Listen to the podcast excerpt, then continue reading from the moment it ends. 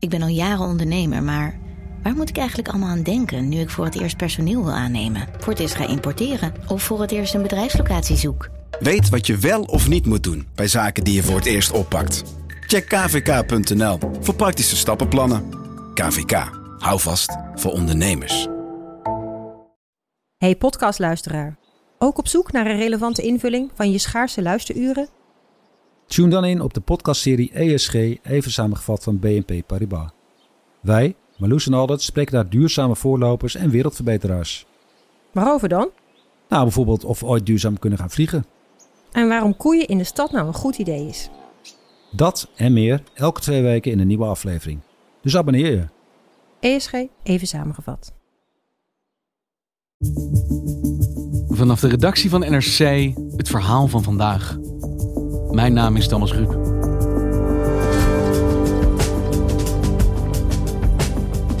Hun verhalen zijn onbeschrijfelijk. Het Syrische regime martelde honderdduizenden mensen op de meest gruwelijke manieren, niet zelden met de dood tot gevolg. Sommige slachtoffers wisten te ontkomen. Zij vluchtten onder meer naar Nederland. Correspondent Melvin Ingleby spoorde hen op en luisterde. Waarom, vragen zij zich af, lopen hun folteraars nog steeds vrij rond?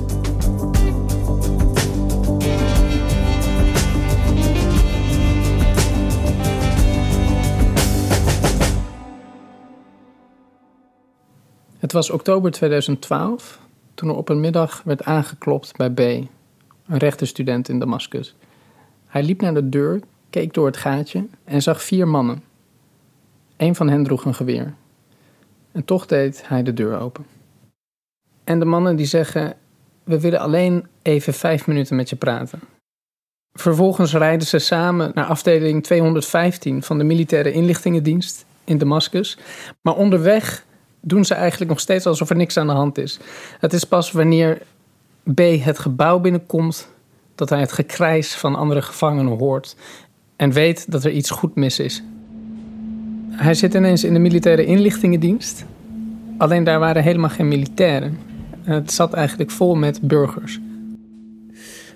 P werd de trap afgesmeten, twee verdiepingen naar beneden en een ondergronds cellencomplex ingebracht, waar hij in een cel terechtkwam van 5 bij 5 meter, waar meer dan 70 mensen in zaten. Deze mensen waren daar omdat ze kritiek hebben geuit op het Assad-regime. Veel van hen hebben niks gedaan, maar het waren mensen van alle verschillende achtergronden en leeftijden. Hij heeft zelfs een jongen van 13 daar gezien die met zijn vader daar was. En wat gebeurde er met B nadat hij daar terecht kwam? Na drie dagen werd hij ineens naar boven geroepen en begon het verhoor. B kreeg een dossier voorgelegd waarin de meest waanzinnige beschuldigingen stonden. Hij zou bommen geplaatst hebben en een aanslag hebben voorbereid, terwijl hij alleen maar had meegedaan aan demonstraties tegen het regime en zich kritisch had uitgelaten op Facebook. B zei: Dat heb ik niet gedaan. Waarop die bewaker zei: Denk er nog eens even over na. Vervolgens loopt hij naar de andere kamer en hoort B hoe daar andere gevangenen gemarteld worden. Dus het is een psychologisch spel. Ze willen iedere bekentenis uit je trekken. B die hield vast aan zijn onschuld en werd daarop ook de kamer binnengehaald en gemarteld. Zijn handen werden vastgebonden met een touwtje en vervolgens werd hij opgehangen aan het plafond. En daar is hij met plastic buizen overal op zijn lichaam geslagen. Ik word eigenlijk gewoon opge opgehangen, maar met mijn armen. En ik word gewoon geslagen met een soort een buisje, plastic buisje. Waarom gebruiken ze plastic? Denk ik eigenlijk willen geen metaal, want ze willen niet iemand doden. Want ze willen eigenlijk hem alleen ondervragen en pijn doen, niet doden. B houdt vol. En toen ik hem vroeg hoe hij dat overleefd heeft, zei hij... Iedere keer dat ik op het moment stond te breken, dacht ik aan mijn moeder. En ik dacht dat ik snel terug naar huis moest. En dat ik dus absoluut niks mocht bekennen, omdat ik dan hier veel langer vast zou zitten. Degenen die wel bekenden, die werden volgens hem nog veel harder gemarteld. Dat noemde hij fase 2 van de marteling. En dat gaat echt nog een stap verder. Nee, dat heb ik uh, niet meegemaakt. Want uh, ik heb de eerste fase heb ik niks bekend. En uh, hoe heb ik dat gedaan? Ik weet nog steeds niet. En God heeft mij geholpen en kracht gegeven dat ik nou, eh, door alle martelingen die heb ik meegemaakt, dat ik nou, ik ga niks zeggen. Dus B houdt vol. Hij bekent niets. Dat heeft hij 30 dagen volgehouden. En toen werd hij ineens vrijgelaten. Hij vlucht.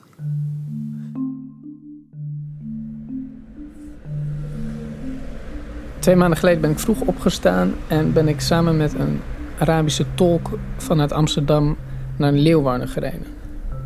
Dus we rijden over de afsluitdijk. Eerste keer voor mij.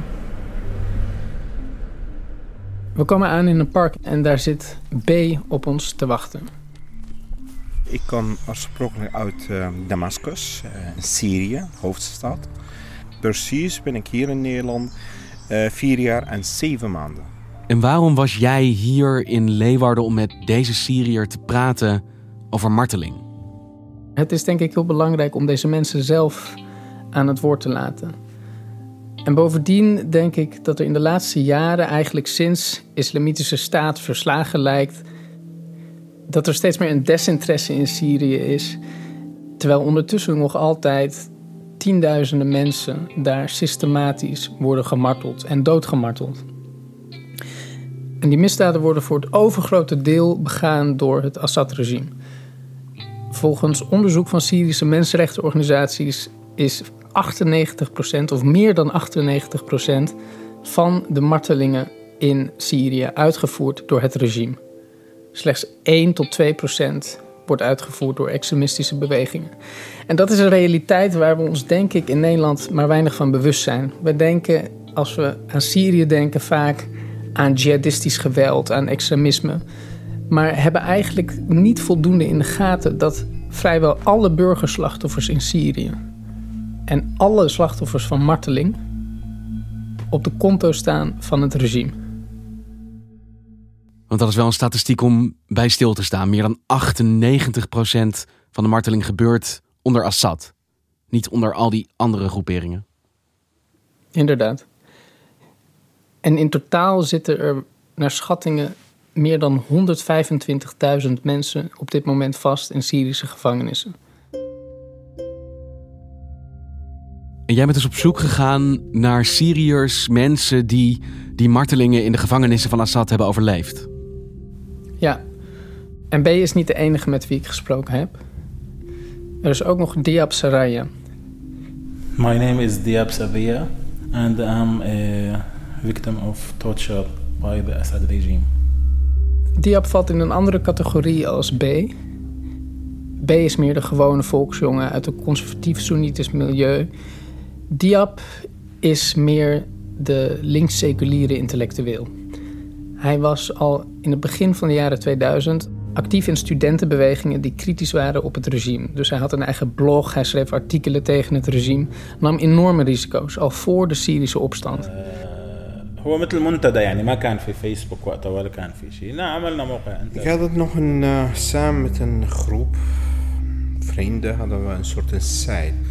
En op de site schrijven we alles over uh, politiek, over de sociale... En op een gegeven moment ging het mis. En uh, door dat, door alle activiteiten wat wij deden, wordt, wordt ik gearresteerd. In 2006 werd hij aangehouden door de Syrische geheime dienst. Hij was toen overigens niet in Damascus, maar zijn vader belde hem en zei: Diab, we hebben bezoek en je moet onmiddellijk terugkomen.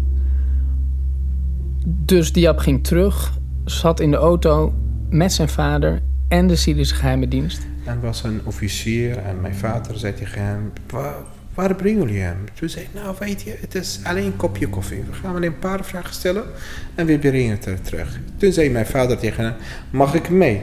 Dan wacht ik buiten. Nee, dat mag je niet. En Diab ziet de tranen in de ogen van zijn vader. En hij zegt: Dat beeld heb ik de hele tijd dat ik vast zat met me meegedragen. Diab komt aan bij de Setnaya-gevangenis. Sednaya prison is not a normal prison. Sednaya is a death camp. Uh, inside Sednaya there are no rules, no hope. There are nothing. When you when you enter, when you go to the Sayyidnaya, the God catch you and told you, here there are no God, There are nothing, no hope. You are don't have any rights, just one right to die silent, silently. Just this.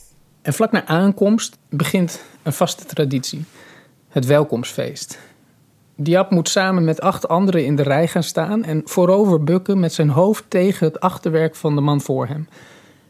En zo begint als het ware een soort martelpolonaise door de gevangenis. Terwijl de mannen door alle gangen van de gevangenis strompelen, worden ze aan alle kanten afgeranseld door de bewakers. It take long, a long, maybe two hours or one days. It's a, a, a torture train. Dus het martelen begint gelijk voor hem. De marteling begint gelijk. En het houdt ook nooit op.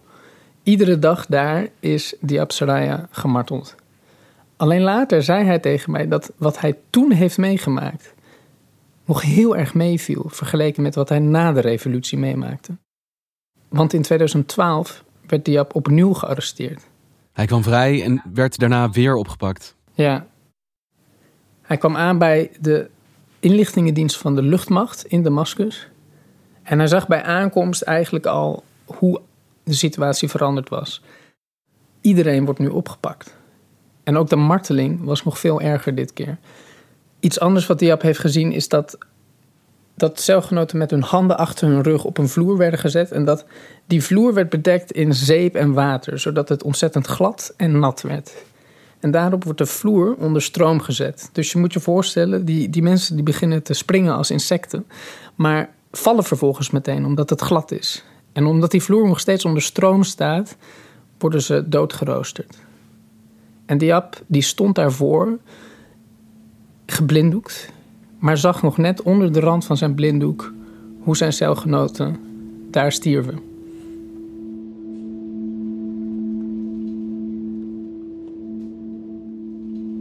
Melvin, ik weet niet eens wat je hierop zou moeten zeggen. Welke woorden gebruik je hiervoor?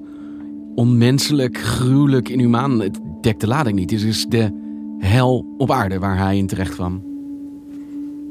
Ja, en toen Diab me dat vertelde, vroeg ik precies dezelfde vraag. Hoe is het mogelijk dat dit gebeurt? Hoe kan het dat een mens een ander mens dit aandoet? En Diab had meteen een antwoord klaar. Hij zei: straffeloosheid. Diab, what do you think is the reason that people can commit such outrageous crimes? Because there are no accountability in Syria. There are nothing, nothing. There are no law. De bewakers doen dit omdat ze weten dat ze ermee wegkomen. En juist daarom, vanwege die straffeloosheid, is Diab ontzettend opgelucht. Dat nu voor het eerst de folteraars van het regime terecht staan. Want dat gaat nu gebeuren. In april is een rechtszaak begonnen tegen twee mannen die in een gevangenis hebben gewerkt namens het Assad-regime. En die rechtszaak die heeft plaats in Koblenz, een provinciestadje in Duitsland. Het is een rechtszaak die nu al als historisch wordt omschreven. In Duitsland staan twee Syriërs terecht voor marteling en moord. Oorlogsmisdaden die ze zouden hebben begaan in Syrië. Het is nu de eerste keer dat Syrische oorlogsmisdadigers voor een onafhankelijke rechter staan. Twee mannen die heten allebei Anwar. En de ene Anwar was een bewaker in de gevangenis, een hoge bewaker. De andere Anwar, dat was een advocaat. Ze vluchtten op een gegeven moment allebei naar Berlijn. Alleen de advocaat herkende toen de man die hem gemarteld had. Dus hij stapte naar de Duitse politie en nadat er genoeg bewijsmateriaal verzameld was, werd hij gearresteerd. Anwar R. wordt ervan beschuldigd de marteling van 4000 mensen te hebben overzien. En wordt beschuldigd van 58 moorden. hey Melvin, jij zegt dit is voor het eerst dat dit gebeurt. Dat er mensen terechtstaan voor het martelen in Syrië. Hoe komt dat? Dat komt omdat Rusland, Assads bondgenoot, iedere poging tot een proces in het internationaal strafhof in Den Haag heeft geblokkeerd. Met haar vetorecht. Dus om toch nog een vorm van rechtvaardigheid te krijgen voor al die honderdduizenden slachtoffers, miljoenen als je de vluchtelingen meerekent, heeft Duitsland gezegd: dan doen we het zelf. Want in Duitsland loopt een martelslachtoffer zijn folteraar tegen het lijf. Kan dat in Nederland ook gebeuren? Lopen hier ook mensen rond die gemarteld hebben voor het Assad-regime? Nou, het is bijna niet voor te stellen dat die niet ook in Nederland rondlopen. En ik heb gesproken met Mazen Darwish, dat is een van de meest prominente mensenrechtenadvocaten uit Syrië, die nu uitgebreid onderzoek doet naar Syrische oorlogmisdadigers in Europa. En hij zegt zeker weten, de handlangers van het Assad-regime zitten ook in Nederland. This is uh, true, and we know from the history that they are not teaching uh, piano for the children. They are not uh, working in the uh, Arabic uh, literature. They are security service people. They are dangerous. Deze Syriërs in Nederland die volgen dat proces in Duitsland natuurlijk op de voet. Want ze willen dat hetzelfde hier ook gebeurt. Ze snakken naar een proces tegen de mensen en het regime dat hun dit heeft aangedaan. For us as a victim and uh, Syrian and even human rights defender, it's very uh, emotional day. That this is the first time we have a real trial. Still, the, each country can do a lot for fighting impunity and uh, for uh, reach justice for the Syrian. Dus dan zou Nederland eigenlijk, net als Duitsland dus heeft gedaan, kunnen zeggen: wij vinden dit belangrijk, wij gaan dit ook onderzoeken. Wij gaan kijken of we hier ook zaken van moeten maken. Dat lijkt in Nederland ingewikkelder te liggen. Ten eerste is er in Nederland een andere invulling van het principe van universele jurisdictie.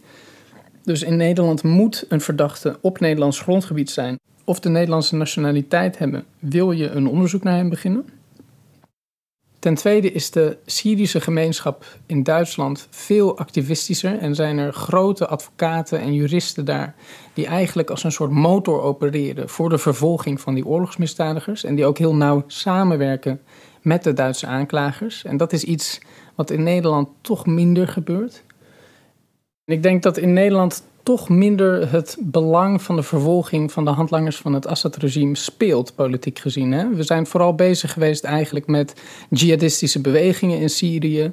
Uh, we hebben het hele vraagstuk gehad van of Nederland hulp heeft geleverd aan jihadistische bewegingen. En dat heeft het debat eigenlijk een beetje gehijacked, waardoor weinig mensen het nog maar hebben over het Assad-regime. En bovendien zijn er zelfs Nederlandse politieke partijen, zoals uh, Forum voor Democratie en het CDA, die zeggen: nou, misschien moeten we de banden met Assad toch weer herstellen en uh, ervoor zorgen dat die Syrische vluchtelingen zo snel mogelijk teruggaan naar Syrië. Ja, de bereidheid om op deze manier te kijken naar het Assad-regime lijkt hier kleiner dan in Duitsland.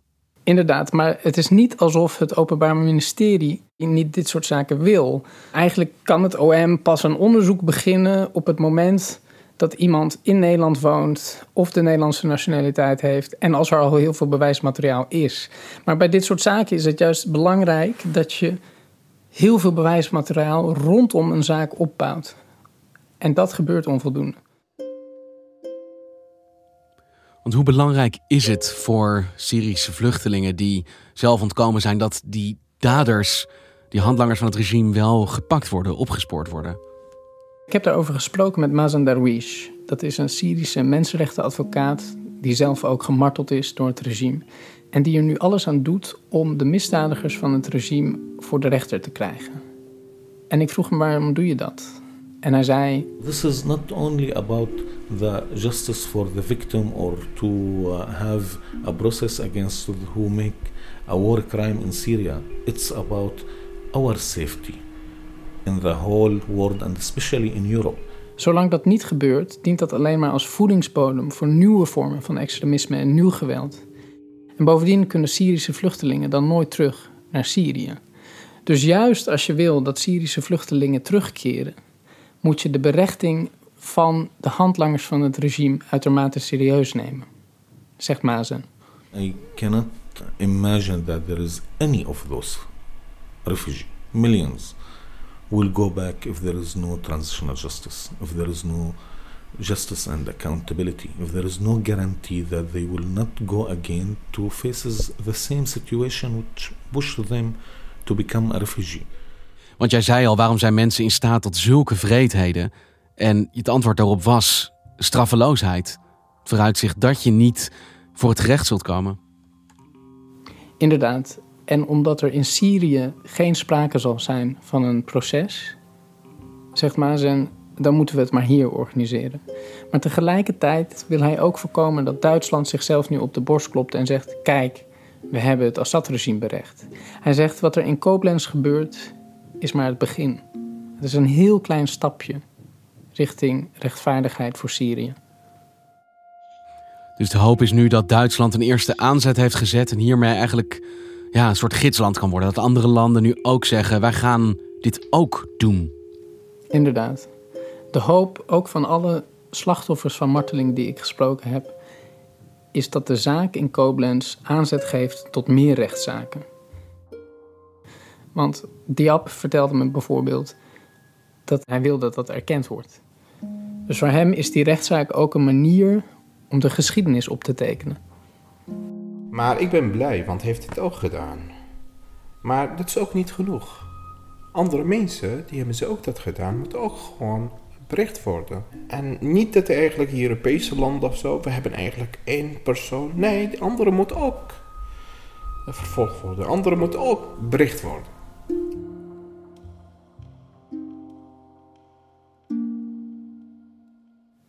Dankjewel, Melvin. Graag gedaan. Je luisterde naar vandaag. Eén verhaal, elke dag. Dit was alweer de laatste aflevering van dit seizoen van NRC Vandaag. Wij gaan met zomerstop. Vanaf maandag 7 september zijn we er weer. Elke ochtend als eerste in je app. Tot die tijd wens ik je namens het hele podcastteam een fijne zomer. Vandaag wordt gemaakt door Mirjam van Zuidam, Henk Ruigrok van der Werven, Tessa Kolen, Ido Havinga, Julie Blusset, Jan-Paul de Bond, Ruben Pest, Felicia Alberding, Jeppe van Kesteren en Misha van Waterschoot. De muziek die je hoort is van Rufus van Baardwijk. Dit was vandaag, in september weer.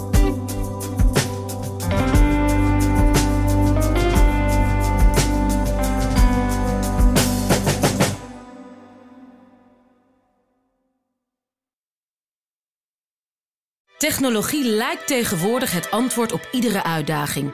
Bij PwC zien we dit anders. Als we de potentie van technologie willen benutten, kunnen we niet zonder een menselijk perspectief. Human-led, tech-powered noemen we dat. Ga naar pwc.nl.